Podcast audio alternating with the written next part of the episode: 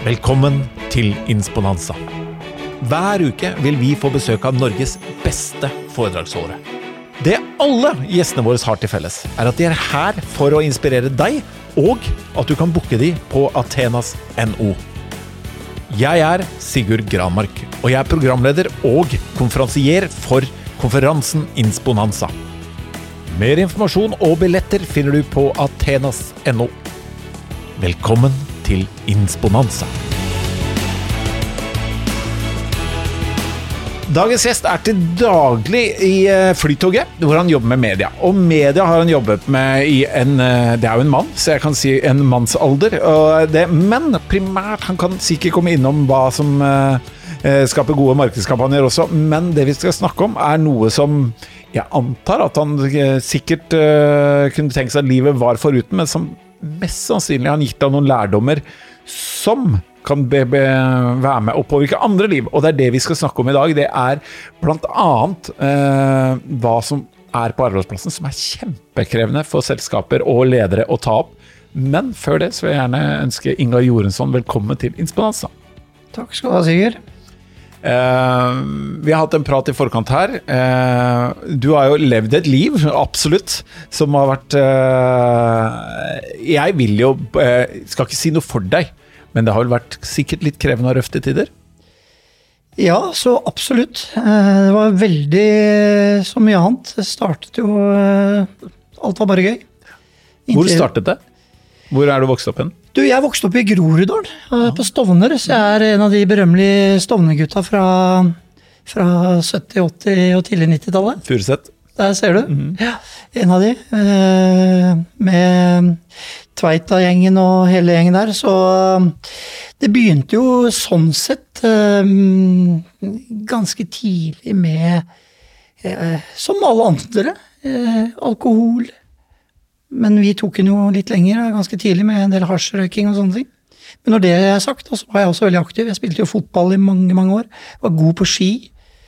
Eh, Så jeg var veldig aktiv. Eh, Inntil eh, liksom dette med fest og alkohol ble en, i en ung alder, veldig sentral del av mitt liv. Og det ble min, som jeg sier, litt vondt å si, men det var min store kjærlighet i mange år. Festalkohol? Alkohol Eller og rus. Rus, Rus, rus, ja. Ja, er det det rundt, eller er det selve rusen? Eh, Det rundt også, men selve den følelsen denne rusen eh, det ga meg, Ja. det var eh, euforisk for meg i mange, mange mange år. Inntil det fikk så store konsekvenser, og inntil det fikk også både mentalt og fysisk eh, så store konsekvenser at eh, jeg var så fanga at jeg kom meg ikke ut igjen. Så du blir jo eh, Etter hvert så utvikler man en avhengighet som er skremmende. Hva man er villig til å gjøre for å, for å få tak i dette her, og ikke minst hva man er villig til å sette på spill da, av familie, jobb. Alt som egentlig holder deg oppe, da, økonomisk og sånne ting, spilte ingen rolle. Husker du første gangen du rusa deg alene? Klarer du å liksom erindre Nå er Ja, det, eller jeg husker ikke, selvfølgelig. Ja. Eh, det jeg har sett tilbake, for jeg har liksom satt meg ned og tenkt gjennom en del ting, da. Og eh, jeg har en bror, en eldre bror, som eh, ikke er sliter med det samme som jeg har gjort. Og han sier jo til meg at han reagerte jo allerede jeg var i ung alder, for jeg Når andre stoppet på søndager, eller på lørdag natt til søndag Når jeg våknet på søndag i en alder av 20-21 år, så begynte jeg å reparere. Og eh, det gjorde jeg ofte aleine. Før jeg eventuelt da møtte noen andre i samme liga. Hvor vi satt mye i Frognerparken og sånn eh, og reparerte der, da. Og så gikk jo dette greit i mange år. Eller greit, i anførselstegn. Konsekvensene og de fysiske plagene kom jo etter hvert når jeg liksom passerte 30. Hva merker du da? Nei, det, Da begynte man med Eller jeg fikk jo da, som er ganske vanlig, du får mye angst. Så kommer depresjonene. Og så må du ha mer. Og så fikk jo Så var det jo sånn etter hvert at det ble kommentert på jobben da, at det ofte lukta. Men det, som jeg sa i, i, i den siste artikkelen i forbindelse med Exit2 også, at eh, det som er banalt oppi dette her, i den bransjen jeg fortsatt er en del av, Eh, nå skal det sies at eh, Flytog er eh, ikke i den ligaen i så måte, for da er det veldig restriktivt. Og Flytog er heller ikke noe mediaselskap, sånn som de selskapene har jobbet i tidligere. Men på 80-tallet, når jeg kom inn i 1986, da var det jævla kult å komme på jobben. Om det var mandag eller tirsdag, onsdag. Hvis du var blank i øya, rød i øya, det lukta sprit, for da hadde du vært ute med kunder. Ja. Så var, da var du konge så lenge du leverte. Og det har liksom vært en gjenganger. Hvordan du så ut, og om du, om du lukta brennevin av deg, spilte ingen rolle. Om du var drita full med kunder, spilte ingen rolle så lenge du leverte. Og det er jo sånn sett i, i bakspeilet, så må jeg bare si at det er jo ganske forunderlig i forhold til hvor mye penger man bruker i selskaper i dag for å bygge opp et merkevare. Hva det kan rasere å ha sånne bajaser som meg sånn som jeg var den gangen, løpende rundt uten noe kontroll, og holdt på. Det er egentlig skremmende. En ting er de følgene fikk for meg, men det gikk jo da så langt etter hvert at jeg ble jo tatt av etter mange, mange, mange, mange år med, med buksene nede, da. Eh, ikke sant? Hva er buksene nede? Jeg ble tatt, altså Det er jo igjen et under at eh, For dette ble kommentert i mange år i forkant, men jeg begynte i en ny jobb, og sett i ettertid, vet du, jeg, jeg, skulle jo begynne i en gitt dato, og så ringte jeg en uke eh, i forkant og sa at jeg ikke kunne begynne før en uke senere. For jeg var så sliten. Så jeg måtte liksom lande. Og da var jo alle det langt ute av kurs. Nei, du, det, de hadde mistanke, tror jeg, fra dag én. Og så ble jeg eh, rapportert inn. Jeg gikk et møte. Jeg husker vagt det møtet. Oh, ja. Hvor jeg var både på Hadde drukket Poenget er ikke hvor mye du får i deg, for når du drikker, har drukket hver dag i mange, mange, mange år, som jeg gjorde, så trenger du ikke så veldig mye for at du Altså, det, det lukter av det. Mm. Men jeg reparerte jo, jeg holdt på med blandingsmisbruk i mange, mange år, spesielt på pillefronten. og jeg eh, justerte jo da med tabletter for ikke å få de store panikkangst, skjelvinger, for å finne roen, for å kunne klare å gjennomføre en normal samtale med utenforstående mennesker. Og i det møtet så var det tydeligvis et uh, trent øye da, som skjønte at jeg var langt fra nykter. Og så ble jeg kalt inn, og så er det en eh, lang historie, men uh, jeg ble da fikk sparken, som naturlig er. Men det som kommer nå, det er jo ganske interessant. Det var det som gjorde, det var liksom grunnlaget for at jeg, når jeg et halvt år etterpå eh, Jeg har jo nå vært nykter i 15 år, eh, om fire uker. eh, så får vi bare håpe på at vi, litt flåste sagt, at vi klarer å holde feire 15-årsdag. Men eh, det som skjedde, var jo at dette ble en rettssak, så vi endte opp i Oslo tingrett. Og det handlet for meg om måten jeg ble behandlet på. Jeg ble behandlet som en spedalsk.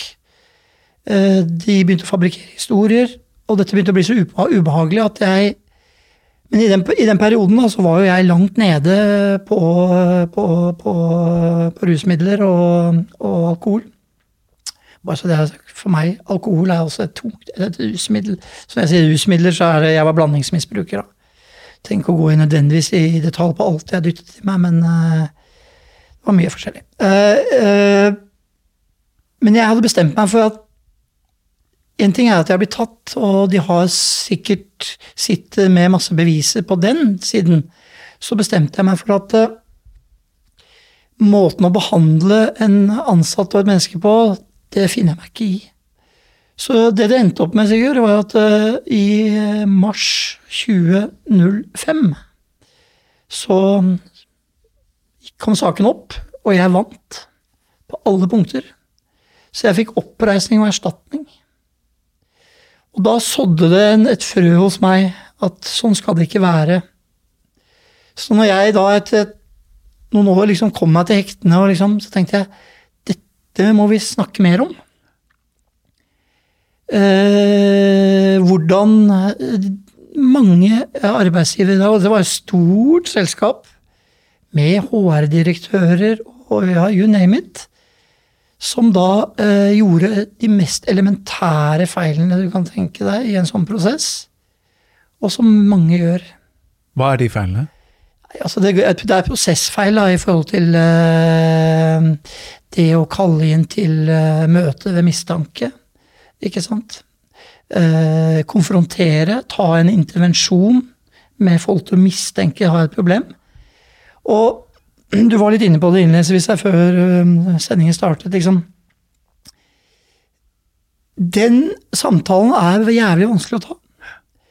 Og jeg har jo sjøl blitt kalt inn i etterkant eh, gjennom mitt selskap Drug Prevent da, eh, for å ta type intervensjoner. Ikke holde bare foredrag, men Inga, kan du hjelpe oss? For det å være HR-sjef i dag og sitte og konfrontere en person som uh, man har mistanke ruser seg, i ni eller ti av ti tilfeller, vil jeg si, så vil den som sitter andre siden på andre siden nekte fullstendig. Mm. Men det vi eller jeg gjør, da, det er at jeg vil veldig fortelle hvem jeg er, og så forteller jeg historien min. Og så forteller jeg hvilken mulighet du har. At du er heldig som har en arbeidsgiver som virkelig har lyst til å hjelpe deg. For det er ikke alle som har. Og da slipper de ofte garden. For da kan de identifisere seg med meg. Da er ikke jeg noe farlig. Jeg jobber ikke i Selskap X. Jeg har blitt kalt inn. Jeg jobber for, jo, jeg har blitt kalt inn for å ta den samtalen. Men det fins et håp, og jeg er jo et levende bevis for det etter jeg har fortalt historien. Og da, i mange tilfeller da, så senker de garden, og så er en prosess på gang, om ikke annet. Ja. Fordi det er eh, vi som ruser oss Nå vil jeg merke, jeg gjør jo ikke det lenger, jeg vil bare presisere det. Men når, når jeg var aktiv misbruker, da Altså, vi lever i en benektelse. Og vi har ikke den selvinnsikten. For du opplevde i lang periode at du hadde kontroll, eller? Ja, ja, ja. Selv om jeg visste at det er ikke normalt å reparere, det er ikke normalt å komme hjem hver dag og drikke alkohol og ta x antall Sobril eller Valium på jobben. Men så klarte jeg lenge å utføre jobben. Da. Det er et under. Men til slutt så rakna det. Fordi du klarer ikke å kontrollere inntaket, ikke sant. Og spesielt på, på tabletter, da. Ja.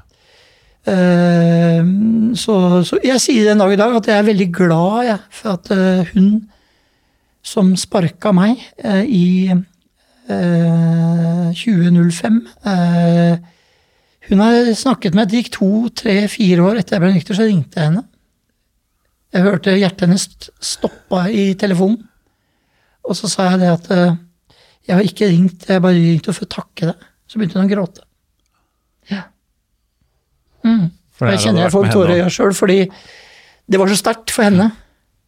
For hun har gått og tenkt på dette i ti-tolv ja. år. Hun hadde hørt at Ingar hadde gått bra med meg, men hun hadde gått og plaga henne, for hun møtte ikke opp i rettssalen engang. Hun mm. orka ikke. For hun syntes jeg var en jævla fin kar. Mm. Og mange som sitter på andre siden av bordet for en som enten de mistenker eller vet, eller hva, hva kall det relasjonen er i forhold til misbruk, sliter jo veldig. Og ikke bare at de er eh, dårlige personer, eller at de ønsker en dårlig Det er bare rett og slett at det er vanskelig å ta tak i det, og det er vanskelig å vite eh, eller hvis man virkelig tar tak, da, så skal du klare å søke deg og hente profesjonell nok hjelp for å få gjort det på en god måte. Men ofte så opplever man et press både på tid fra andre relasjoner på jobben, eh, direkte overordnet til den, som nå må vi få gjort dette her. Ja. Så kan det gå fort, og da tror jeg mange også i andre enden av en sånn prosess som du eh, har vært gjennom her, i etterkant også preges av det. Det ser jeg, så det var fint at du du tok den telefonen de årene etterpå. Men bare tilbake til eh, Mulig du eh, jeg, jeg, skjønner at du ikke mente så sterkt, eller mest sannsynlig, når du sa eh, forhåpentligvis feire om fire uker 15-årsmarkeringen. Eh, mm. Er det en sånn påminnelse til deg selv at eh, jobben må gjøres resten av livet, eller eh, hvordan er det? Ja, du, det er sånn at uh, mange som sier til meg, bruker alltid fortiden. Så, ja, men Ingar, du har, du har vært rusmisbruker. Nei, sier jeg. Jeg er rusmisbruker. Mm. Det er en sykdom. Følger deg livet ut. Det er liksom prøve å Det er flere metaforer jeg kan bruke, da, men jeg sier at hvis du, hvis du først amputerer et ben, så vokser ikke det ut igjen. Du må leve det livet uten det benet. Sånn er det med, med folk som har uh, nøtteallergi. Mm. Spiser du nøtter, så dør du. I verste fall. Sånn er det med meg. Så det er en jobb jeg gjør hver dag. Og det handler ikke om at jeg eh, kjemper meg gjennom dagen fordi at uh, å holde meg fast for å klare å holde meg borte fra rus. Den tid er over. Ingen rustrang. Ingenting. Men det handler om, eh, for meg så handler det om liksom, eh, eh, å leve hver dag få, og ha et godt liv, da. Hva er et godt liv, da? Det er å leve livet på livets premisser, for å si det sånn. Mm. Håndtere ting som jeg tidligere ikke klarte å håndtere som normale, friske mennesker, for dette er jo en diagnose, som jeg sier. Og da handler det om å håndtere situasjoner på en helt annen måte, uten å ta helt av, liksom. Og det er det det handler det er det, Og det er det også. Og nå kan jeg gjøre Som jeg sier, i dag Jeg hadde så mye dømmer da jeg var liten, vet som jeg sa til sikkert innledningsvis. Jeg kjører motorsykkel. Jeg elsker raske biler, og det har jeg fått utløp for. Jeg hadde det med dykking. Hadde ikke vært for at jeg var jævlig høyderedd, så hadde jeg hoppa fallskjerm. Men jeg, det, hun jeg bor sammen med, gjorde det på arena i fjor. Jeg kom meg ikke opp i fly. Nei. Jeg har helt for total låsning. Men øh, elsker ting da som Og, og det kicket, da. Det kan jo være et substitutt, ikke sant? Men samtidig så kan jeg gjøre alt jeg vil, ennå. Som jeg tidligere bare pratet om, og som jeg drømte om, kan jeg gjøre nå. Men det eneste ikke jeg kan gjøre, som jeg sier til folk Jeg kan ikke drikke alkohol. Jeg kan ikke ta andre rusmidler. For det er russisk ulett for meg. Kan du ta Ibux, Paracet? Ja, jeg kan ta en Ibux hvis jeg har ekstremt vondt i hodet. Ja. For det er ikke vanndannende. Det er greit, Nei. ikke sant? Ja. ja. Men ellers så lever jeg et meget tilbaketrukket uh, liv. Uh, ja. Og da, hvis du ser det, det livet du har levd her, da Og uh, jeg har jo både eh, hatt mine turer ut med kunder og sånn. Hvor mye tror du det er der i dag? Det, dette, litt den derre så lenge du Jeg kjenner jo veldig igjen det du refererer til, så lenge du leverer resultatene. Hun eller han kjenner alle kundene, kundene Og til og med hvordan man blir brukt i sånne roller. I, I selskaper. Hvis du er god med kunder, hvis du er god, kall det god på byen, god på restaurant, så selskapet bruker deg bevisst ut i kundepleieøyemed. Eh, hva, hva tror du? Var dette 80- og 90-tallet og er tilbakelagt, eller tror du det er der ennå? Eller hva ser du? Nei, eh, innenfor visse bransjer så tror jeg det er, eh, om ikke tilbake, eller 98- og 90-tallet har skjedd en viss endring. Men jeg må jo si at eh, i den bransjen eh, som jeg har vært en del av i, siden 1986, da, Media. media, så er jeg overrasket at det ikke har kommet lenger. For det er fortsatt Jeg, altså jeg syns det er helt topp, jeg. At man kan gå ut med kunder og ta et glass eller to og sånne ting, og spise en bedre middag. Og bygge relasjoner. Men det er stor forskjell på det og fyllefest. Og øh, jeg kommer fra selskap, selskaper, hvor fortsatt uh, det er russefest. Enten om det er interne sammenkomster, om det er høstsamlinger, kickoff, hva de nå kaller det, og dekker alt dette bak. Eh, og så må man, og så har det vel skjedd en viss dreining i forhold til dette med kundearrangementer. For det som har skjedd nå, vet du, det er at det er mye vanskelig å få med kunder ut. I forhold til hva det er lov til. I forhold til dette med uh, korrupsjon og sånne ting. Ja, du vet. Så, så det er blitt mye strengere. Det har det blitt. Disse turene til, til eh, Østerrike og New York og sånne ting, det er litt vanskelig å få til. Men allikevel, uh, disse eh, sammenkomstene hvor mediefolk samles hele gjengen, og være seg mediebar og alt hva det heter. Jeg får referater jeg, fra, øh, fra folk ennå. Det er jo fortsatt russefest. Ja. Sånn som Og jeg skal bare, jeg bare påpeke, at så ikke bli arrestert på det, jeg har ikke vært der på mange år. Så hvis ikke folk sier at du er jo ikke til stede. Nei, og gudskjelov for det. Men jeg hører jo fortsatt at det er mye av det samme. som skjer. Folk er fulle. Det kommer telefoner til ledelsen etterpå at den, den personen vil vi ikke ha noe med å gjøre, fordi at uh, det har vært uh, tafsing, det har vært uh, for mye drikking. Uh, Metoo. Uh, som Apropos det, metoo hadde ikke vært tema i dag. Hadde ikke vært for at det var så mye alkohol på jobb, jobbsammenheng. Det er ingen som tafser på en kvinne på arbeidsplassen i dag hvis man ikke har promille. Jeg håper ikke det, i hvert fall. Nei, det har jo et alvorlig problem, og det finnes sikkert noen som gjør det, men uh, Jeg tror det, da. Dessverre, det òg. Ja. Ni av ti tilfeller tror jeg, jeg sier jeg tror, Ja. uh, har med, med, med alkohol eller, og eller andre ting å gjøre. Ja. Så at dette her uh, Noe er et 80-90-tallsfenomen, men uh, det at dette er et større problem, at folk har et alkohol og eller et rusproblem i dag enn tidligere, det er hevet over enhver tvil. Og det som er litt skremmende å se, da, som jeg nevnte litt jeg nevnte dette med ordet blandingsmisbruk. Jeg jobber jo, jeg får dette på pulsen hver dag i form av at jeg hjelper en del folk. Og i, jeg møter mye misbrukere uh, ved siden av vanligjobben min. Og, og eh, det hører med til sjeldenhetene nå at eh, du finner rene alkoholikere. Ja. Det er noen 60-70-åringer igjen der ute, men de som blir starter med alkohol i dag, og det er ofte der jeg starter, det blir blandingsmisbruket i form av piller i store tilfeller. For det er lettere å skjule? Ja, piller er ekstremt lett å skjule. Og pillemisbruk blant kvinner er jo enda større. Ja. Fordi Ja, vet du det? Er det ja, fakta? da, det er påvist, ja. Ja. Og det er fordi at det lukter ikke. Og det var jo sånn det begynte for meg i 1997 også, for at jeg, jeg kunne jo ikke Alltid på mandager, så kan du ikke Du har ikke vært ute med kunder på søndager. Så da justerte jeg med tabletter. Og det ble jo Det var jo som å komme til himmelen. For da slapp jeg å drikke så mye. Så kunne jeg drikke mindre. Så kunne jeg heller ta to tabletter ekstra. Så klarte jeg å holde det flytende, da. I mange år. Ja. Så at det er Man sier jo det. altså All statistikk dette kan man lese seg opp på hvis man ønsker det. Men eh, når jeg har holdt foredrag, da, så sitter, kommer det folk Så, sier jeg til selskapet at eh, De kommer til meg etterpå og sier at eh, ja, men Ingar, eh, sterkt å høre og sånne ting, men jeg tror ikke det er, jeg tror ikke vi har det problemet hos oss. Så sier jeg hvor mange Det er egentlig litt rart for det første at jeg har leid meg inn. Det kan jo være forebyggende, ikke sant? Eh, prematurt. Så det er helt topp, det. Hvor mange ansatte er det? Jeg holdt et foredrag for en stor bank.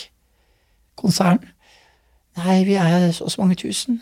Og så sier jeg ok, sier. Da kan du i hvert fall være sikker på at det er 10 ut fra statistikken i hvert fall, 10 av dine ansatte sliter med enten med eget eller noen i tett relasjon. Ja. Ja, mener du det? Nei, jeg mener ikke det. det er statistikken tilsier det. Så hvis det er 100 ansatte i selskap X, så er det ti stykker der som enten har eller ligger i fare for å utvikle en avhengighet i form av rus. Og så nå, det nye siste nå, er spill. Ja. Ja, og bare et par ting på det, da. Og det som du sa, 10 også eh, da innbefatter i de 10 eh, i nær relasjon. Nær relasjon, det er Ja, viktig. til andre, for det, det også er jo uh, tøft å stå i. Ja, Eh, og hva, hva tenker du der? Har du noe råd å gi folk som opplever rus i nær relasjon? Ja, absolutt. Eh, Det er å tørre å ta ta tak. Og der også kan en intervensjon være veldig vanskelig. Min erfaring eh, fra min egen familiære situasjon, eh, de prøvde jo med meg. Det var, eh, jeg fikk jo, Jeg kan le av det nå, men jeg har vel aldri fått så mye uh, DM-er i posten fra Vangseter og En pen måte å, å gjøre det på. Det gikk jo selvfølgelig i søppelkassa. Men uh, intervensjon i så måte er jo å stille, stille Altså, det må få en konsekvens. Og det jeg eh, ser og har opplevd, eh, er jo at eh, spesielt folk som har barn og barnebarn Og nå prater jeg ut fra min erfaring. Ja. Det er at hvis man bruker i positivt Jeg vil si positivt barna, eller barnebarna, i en sånn prosess at hvis Ingar, hvis du Nå har ikke jeg barn, bare så det er sagt, men om jeg hadde hatt, at du får ikke lov å treffe barnebarna dine, eller barna dine mer, før du tar tak i dette her, så er det ganske sterkt. Og nå prater jeg erfaring, for jeg har vært borti flere tilfeller eh, selv, hvor jeg har vært dratt inn, også i min familie, hvor jeg har en, en, en nær familie som uh, har vært sånn. Nå har han vært nykter i jeg tror jeg snart syv eller åtte år. og øh, Han har fått et nytt liv og blitt en helt ny mann. Uh, ble trua med utkastelse av kona si og sånne ting. Men i det momentet intervensjonen gikk på at, barna Og jeg ga tips til for jeg, Dette er jo nær familie. Og jeg sier til hans kone, som ringte meg, det du må gjøre nå, er at du samler gutta, dine sønner. Så sier du til denne eh, karen, da, jeg vil ikke nevne navn Hvis ikke det skjer noe markant nå, så får du ikke treffe barnebarna dine lenger. For jeg visste at hans eh, store kjærlighet var selvfølgelig kona og barn. Mm. Barnebarna var så viktig for han. Mm. Det ble gjort. Og dette er tøff kjærlighet. Han har vært edru siden. Men han jobber hver dag med sitt eh, edruskap, men har fått et fantastisk liv. Så det å tørre å ta den eh, konfrontasjonen, intervensjonen, kall det hva du vil Jeg kaller det intervensjon, for konfrontasjon det er så negativt ladet, syns jeg. da. Det kan redde mye liv. Men, Men da, den er vanskelig. Ja, for, er, for, da må du også samtidig Eller skal ikke jeg gå og si må på noe jeg ikke har peiling på, men samtidig da si vi er her for deg, vi er glad i deg, vi elsker deg, vi støtter ja. deg med, med, kjærlighet. Ikke den derre slå hånda av deg nei, nei, nei. og kom tilbake når du er edru. Nei, og det er akkurat det samme der som på arbeidsplassen. ikke sant? Vi ønsker å hjelpe deg, nå bruker jeg ditt navn, Sigurd, eh, men det fordrer at du er villig til å ta imot hjelp. Mm. Vi er villige til å tilrettelegge, og vi er villige til å strekke oss langt, men hit, men ikke lenger. Så nå er dette her, denne, dette tilbudet her får du nå én gang. For nå er det gått for langt. Du er i ferd med å ødelegge En ting er å ødelegge deg sjøl, men du er i ferd med å ødelegge folk rundt deg på arbeidsplassen. Fordi det, det, du drar med deg så mange andre òg, ikke bare din nærmeste sjef eller bare dine kone. Altså det sitter barn, det sitter rundt. Så det blir litt av det samme. Og der også har jeg også blitt, uh, fått mange telefoner fra familier. Inga, hvordan løser vi dette her? Og da sier jeg at da, Og det er tøff kjærlighet. Ja, men Inga, jeg kan ikke sparke den ut. Jo, det kan du. Du kan faktisk gjøre det. Mm. Ja, men da kommer han til å sitte og drikke seg i hjel på hybel. Han kommer, han truer med å ta livet sitt. Så sier jeg han kommer ikke til å gjøre det. Det er bare en tom trussel. De som tar livet av seg, de sier aldri fra. Mm. Hvis ikke så mulig, blir det sånn muliggjører, og det er det som på arbeidsplasser. Man blir muliggjører fordi man ser en annen vei. Det går sikkert over. Han er den beste selgeren, vet du. Vi ser han litt til. Også hva gjør vi Unnskyld. Ja, nei, kjør på. Nei, hva gjør vi? Jeg syns det er eh, den biten med familie, ja. Eh, og dette her eh, Vanligvis pleier jeg å ha egne meninger, men jeg skal vokte meg veldig her, for dette er et område jeg ikke kjenner godt.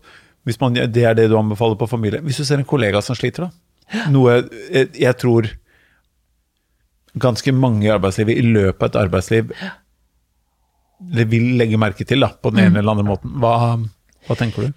Hva gjør vi? Hvis det er en god kollega, det første jeg ville gjort, jeg hadde tatt en uh, samtale med. Han Hvis det er en dårlig kollega?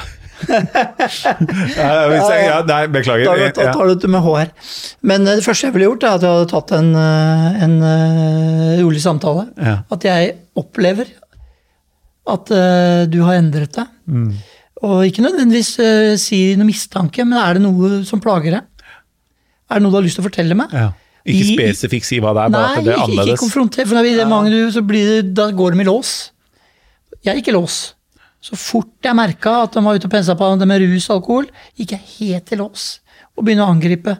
Ja, men Sigurd, du var like full på sommerfesten som meg. Mm. Og så bare Og så, er samtalen helt låst. Mm. Uh, og hvis du liksom ikke føler at du kommer noen vei, så hadde jeg tatt det med HR. Og det handler ikke om å være varsler, tyster Altså tyster går litt på, på baneting, men det handler om å hjelpe en som sliter. Det er jo det det handler om. Mm. Kanskje redde livet til den personen. Så det det handler om i jobbsammenheng for meg, handler ikke om å få folk ut og sparke folk. Nei, nei, nei. nei, nei. Snarere tvert imot. Det handler om å gi folk en mulighet til å komme seg ut av et jævlig vanskelig problem før det er for seint. Og så, for deg som arbeidsgiver, for dette kan koste jævla mye penger, i form av at hvis det er folk som sitter i en ledende stilling, økonomisk kriminalitet, misbruk av eh, bankkort osv., osv. Prater igjen av erfaring. Uh, og så var det som vi var lite på litt i Sigurd, dette med omdømme. Hva skal Altså, selskapet bruker millioner, hundrevis av millioner. Ta et flyselskap, da. Et av de store. Det er ikke lenge siden det sto i oppslag første sitt på VG at det var en Norwegian-pilot som hadde blitt tatt med var det 1,7 eller 1,8 promille. Ok, for dra den litt lenger, da. Gudskjelov så ble han tatt. Kanskje det var redninga hans eller hennes. Jeg med at det er stor sannsynlighet er det mann, for det er flest med mannlige flyvere. Spiller ingen rolle. Hypotetisk at det med 400 passasjerer går rett i fjellveggen mm. pga. at den personen er rusa. Om det er alkohol, blanding, spiller ingen rolle. Da kan du bare pakke sammen. For du har ødelagt alt. Sitter en masse familier som har mistet sine kjære. Men den merkevaren er jo ødelagt for alltid. Du kan pakke sammen. Og det trenger ikke være så drastisk som det. Det kan være et julebord på et høyfjellshotell hvor en blir og dette Nå prater jeg om en historie som skjedde for mange år siden. Jeg skal ikke si hvilket selskap, men det er innenfor eh, en stort selskap innenfor sportsbransjen.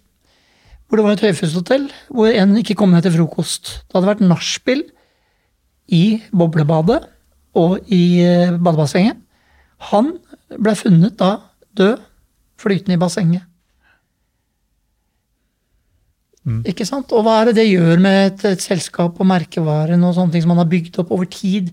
Så dette med fyll og rus på arbeidsplassen det så mye, kan få så mye konsekvenser. Uante konsekvenser. Som man ikke tenker på.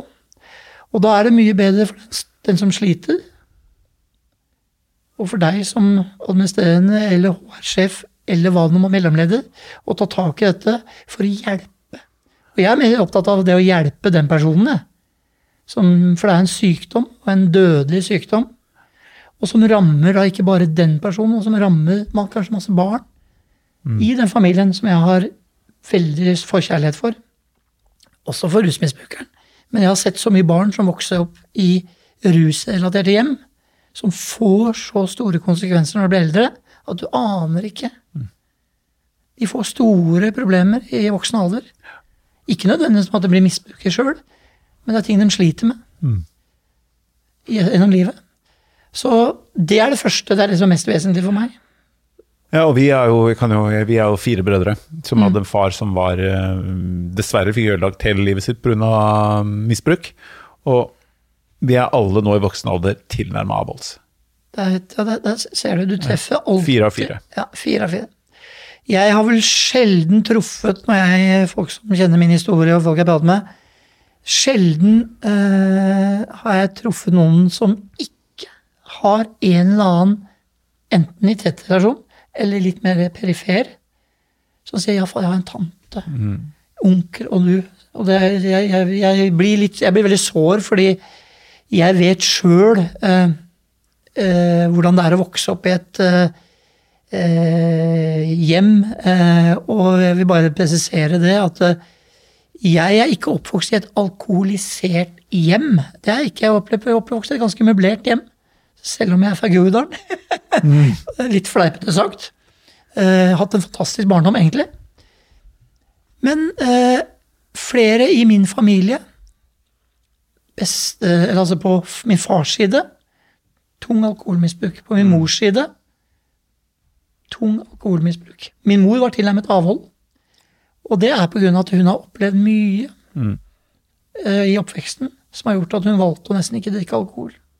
Og eh, nå har vi vært mye hjemme med det da du ville vært på Stovner på 80-tallet med din mor og din far. og nå har vi vært eh, halvannet år snart, eh, og vi vet ikke helt. Nå tror vi de fleste at vi har home free. Det er til vi eventuelt eh, skjer noe om en par måneder at vi har home free. Men hva har du sett under korona, både sånn jobbmessig, du kom med noen eksempler her, hva man kunne gjøre under Teams-møter. Prat litt koronatall og hva, hva, du har sett. Mm. Altså Tallene under korona, altså det, det er jo mye mørketall. Det kommer mye etter hvert. Eh, Jeg skal ikke bevege meg for mye inn på innenfor psykiatrien og sånne ting, for det, det er ikke mitt, eh, mitt fagområde. Eh, Men det vi Jeg tror vi kommer til å se, og det jeg vet og det jeg hører, basert på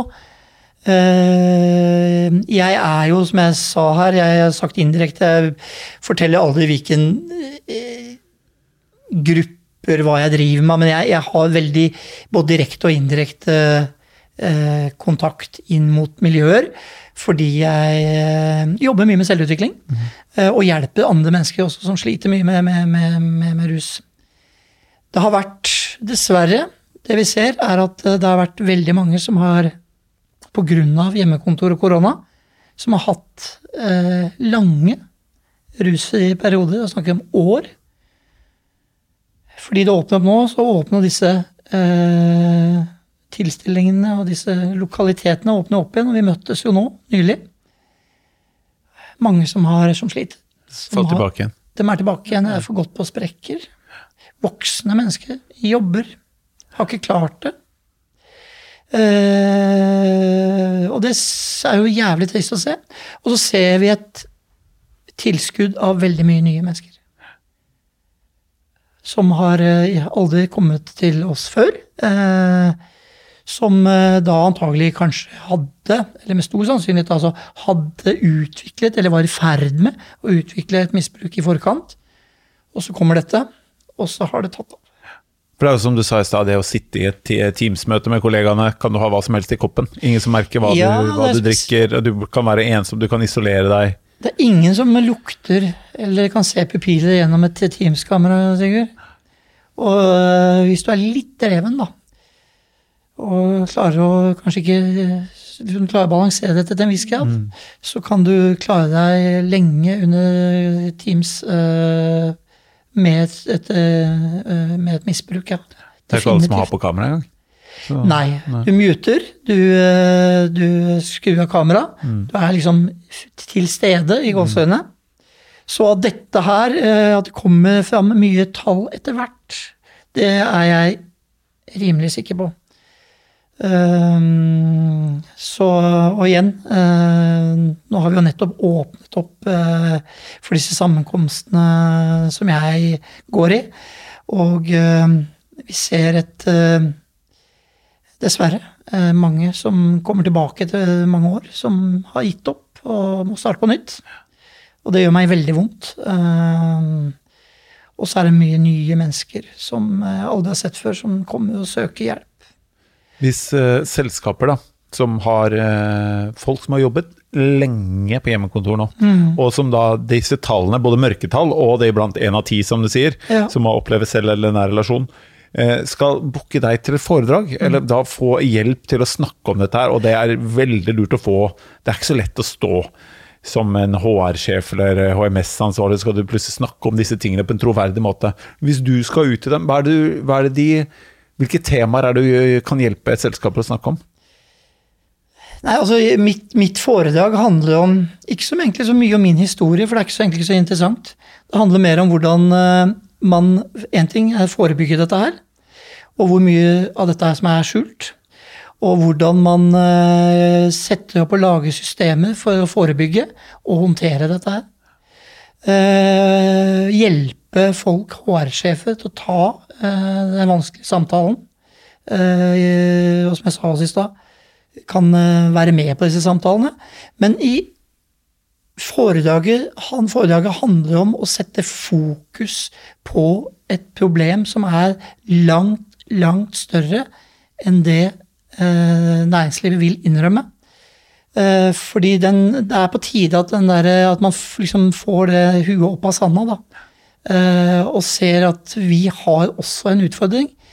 Det som er for mange selskaper, eh, som jeg ser, da, det er de sier til meg litt sånn på kammerset Ja, men Ingvar, hvis vi, hvis vi leier inn eh, typer som deg, vet du, og skal holde foredrag om, eh, om rus, så begynner alle folk å skule på hverandre. For da tenker de å, da har vi alvorlige problemer. Og så begynner folk å peke. Er det han? Er det henne? Og det er jo ikke det det handler om.